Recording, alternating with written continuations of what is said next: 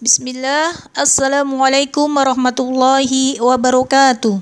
Alhamdulillah, wassalatu wassalamu ala rasulillah wa ala alihi wa sahbihi wa man wala. Ashhadu an la ilaha illallah wa ashhadu anna muhammadan abduhu wa rasuluh amma ba'du.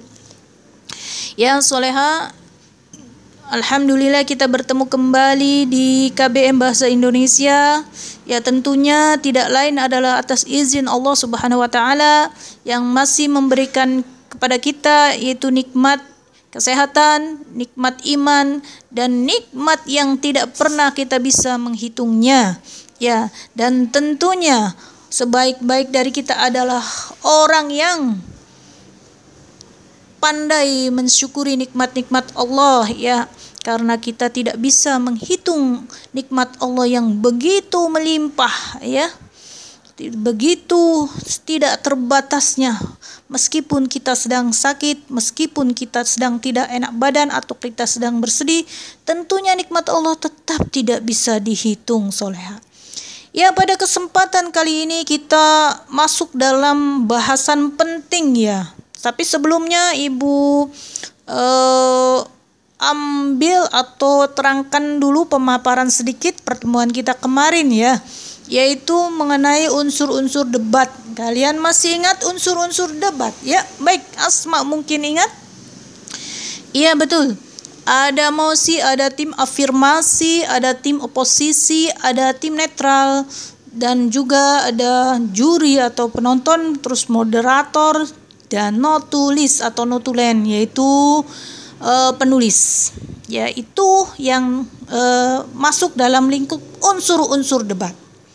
Berikutnya kita lihat tugas-tugas atau peran dari setiap tim.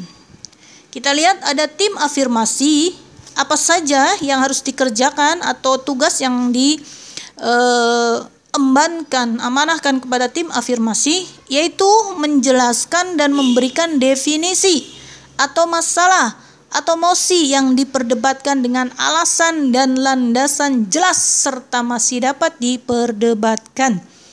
Yang kedua, tugasnya memberikan parameter yang jelas tentang cakupan masalah atau mosi yang diperdebatkan juga. Yang ketiga, jika debat akan menggunakan proposal, pemberian penjelasan, mekanisme, dan detail proposal harus dijabarkan secara terperinci. Ya, maksudnya kan tim afirmasi itu membuat eh, setelah mosi ya atau isu yang tema yang dibahas dalam debat dia membuat detail proposalnya ya dengan rinci ya dengan mekanisme tentunya. Kemudian yang keempat memberikan argumen-argumen yang sangat jelas tentang mosi yang diperdebatkan. Maksudnya memberikan apa? Ya, pendapat-pendapat yang sangat jelas tentang mosi yang diperdebatkan. Tentunya pendapat-pendapat atau argumen ini tetap dalam batasan yang bisa dipertanggungjawabkan. Artinya uh, ungkapan atau argumen itu tidak nyeleneh ya. Tidak asal-asalan tetapi berbicara berdasarkan fakta atau pengetahuan yang bisa dipertanggungjawabkan secara ilmiah. Begitu Soleha. Ya. Kemudian kita lihat ya, ini eh, ringkasan saja ya. Pada tim oposisi ada pembicaranya. Ya. Misalnya dalam satu tim itu ada tiga, tiga anggota, ya. Di tim afirmatif juga tiga tim oposisi tiga. Nah dalam tim oposisi itu mempunyai pembicara pertama pembicara kedua pembicara ketiga dan bisa juga masuk dulu ada pembicara pengulang. Itu biasanya kalau di kita ada notulen setiap tim itu ya. Tapi nggak apa-apa nggak masalah kalaupun tidak ada pembicara pengulang. Baik. Jelaskan Bagaimana pelaksanaan debat? Nah, sebenarnya kita pengen ngelaksanain debat itu di Google Meet itu ya, tapi la qadarullah ya. Nanti kita lihat uh, apakah bisa hari ini bisa uh, kita tampilkan uh, pertemuan di Google Meet. Ya kita lihat saja nanti ya. Nah, proses pelaksanaan debat satu pembukaan dulu ya oleh siapa? Oleh moderator. Ya, siapa yang bertugas moderator? Dia memperkenalkan diri, menjelaskan mosi atau topik yang akan diperdebatkan, kemudian memperkenalkan tiap tim-timnya dan membacakan tata tertib debat. Ya, ini penting. Kemudian yang kedua, ya, pelaksanaannya penyampaian pernyataan tiap-tiap tim terhadap mosi. Nah, itu kalau sudah moderator berarti tinggal tim ya terhadap mosi atau topik yang dibicarakan tadi. Yang ketiga, pelaksanaan inti debat. Ya, nah intinya di sini yaitu maksudnya begini, ya memberi kesempatan tiap tim untuk menyampaikan argumen atau pendapat dan menyanggah argumen tim lawannya gitu. Jadi silakan tim uh, afirmatif untuk mengemukakan pendapatnya. Nah, ternyata pendapat tim afirmatif setelah dikemukakan oleh satu orang, ya ada hal yang ada mengganjal untuk disanggah oleh tim oposisi. Nah, maka silakan sampai selesaikan dulu, baru dipersilakan tim oposisi untuk mengemukakan pendapatnya, begitu. Ya, begitu sebaliknya. Kemudian yang keempat, menyampaikan simpulan terkait argumen-argumen yang telah disampaikan kepada pembicara-pembicara sebelumnya ya. Menyampaikan yang telah disampaikan pembicara-pembicara sebelumnya. Maksudnya gimana? Ya simpulan ini biasanya di itu ya ada tim-tim ya. Jadi nanti membuat simpulan apa yang sudah dibicarakan oleh teman-teman timnya ya eh, dengan ringkas dan uh, sederhana ya Kemudian yang terakhir moderator menutup debat dengan menyampaikan ringkasan. Bukan simpulan karena dalam debat sering tidak terjadi kesepakatan kedua belah pihak ya. Jadi eh, moderator ketika mau menutup debat itu disampaikan ringkasan dari pendapatnya tim afirmasi dan pendapatnya tim oposisi ya. Uh, karena memang di debat itu bukan uh, apa ya bukan mencari rujukan kalau debat yang itu. Jadi sama-sama mempertahankan pendapatnya masing-masing tapi dalam jalur menghargai pendapat masing-masing seperti itu. Baik, Soleha, bagaimana sih waktu atau pembagian dalam debat ya? Baik, pada setiap arena perdebatan misalnya atau ada lomba debat ya biasanya bahasa Indonesia kalau di secara nasional pun ada ya lomba debat baik debat itu bahasa Inggris, bahasa Arab dan juga bahasa Indonesia. Nah, setiap sesi atau bagian mendapatkan jatah waktu.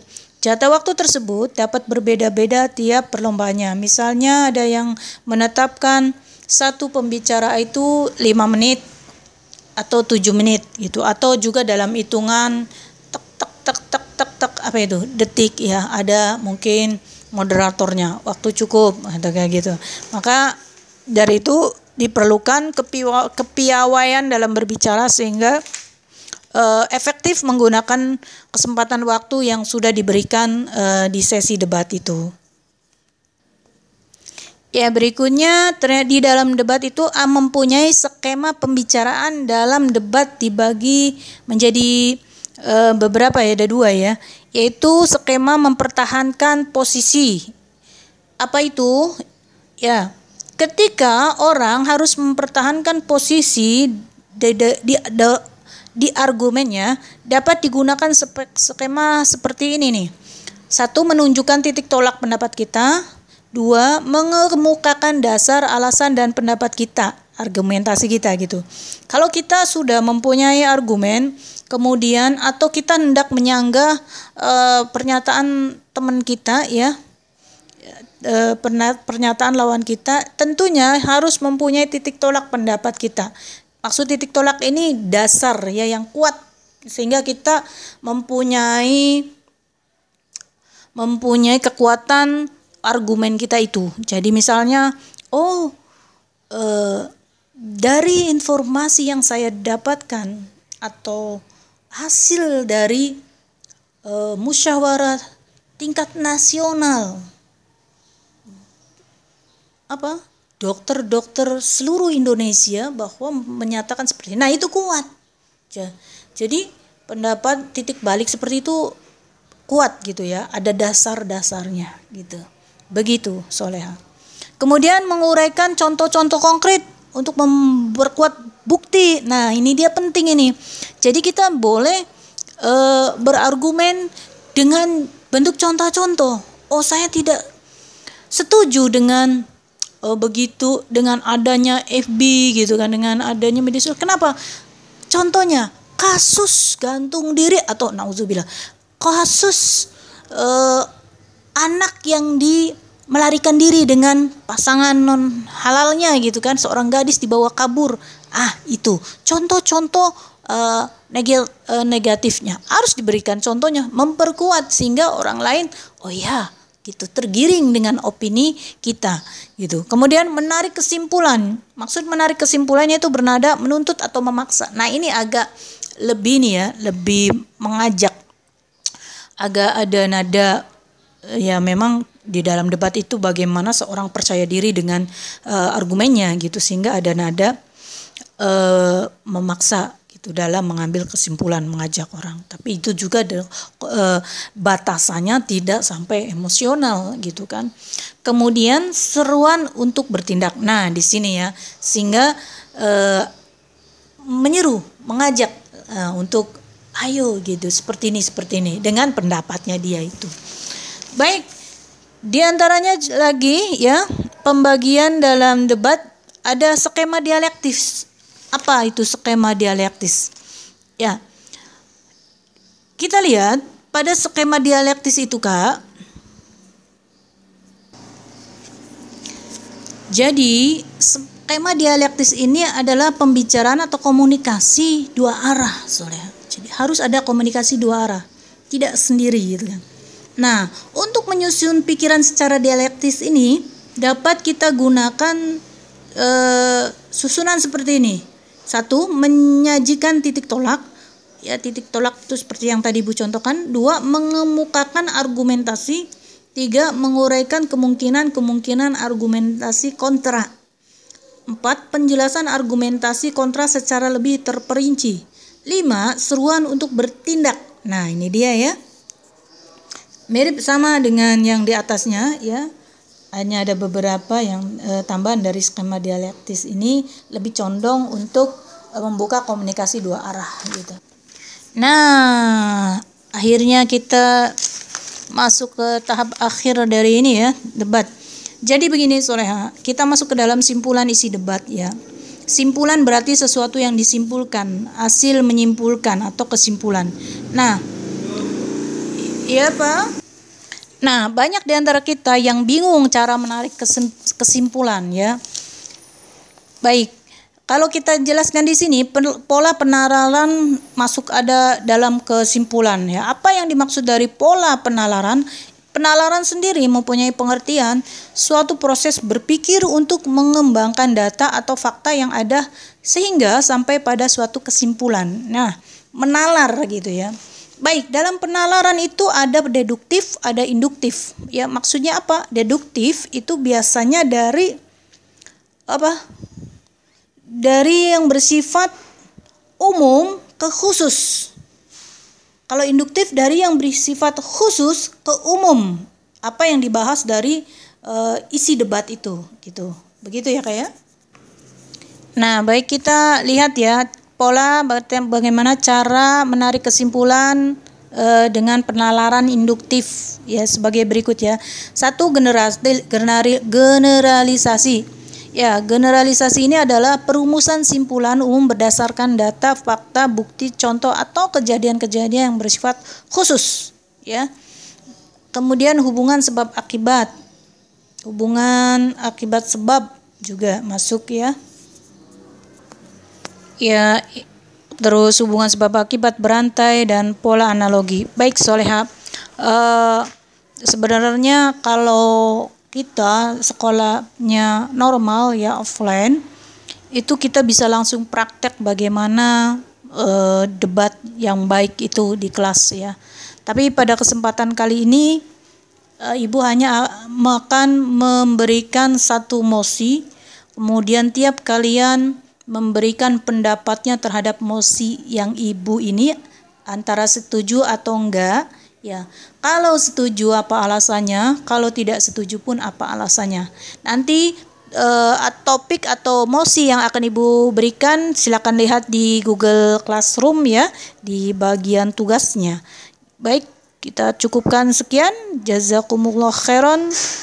Kita tutup dengan doa kafaratul majelis. Subhanaka Allahumma wa bihamdika asyhadu alla ilaha illa anta astaghfiruka wa atubu ilaik. Assalamualaikum warahmatullahi wabarakatuh.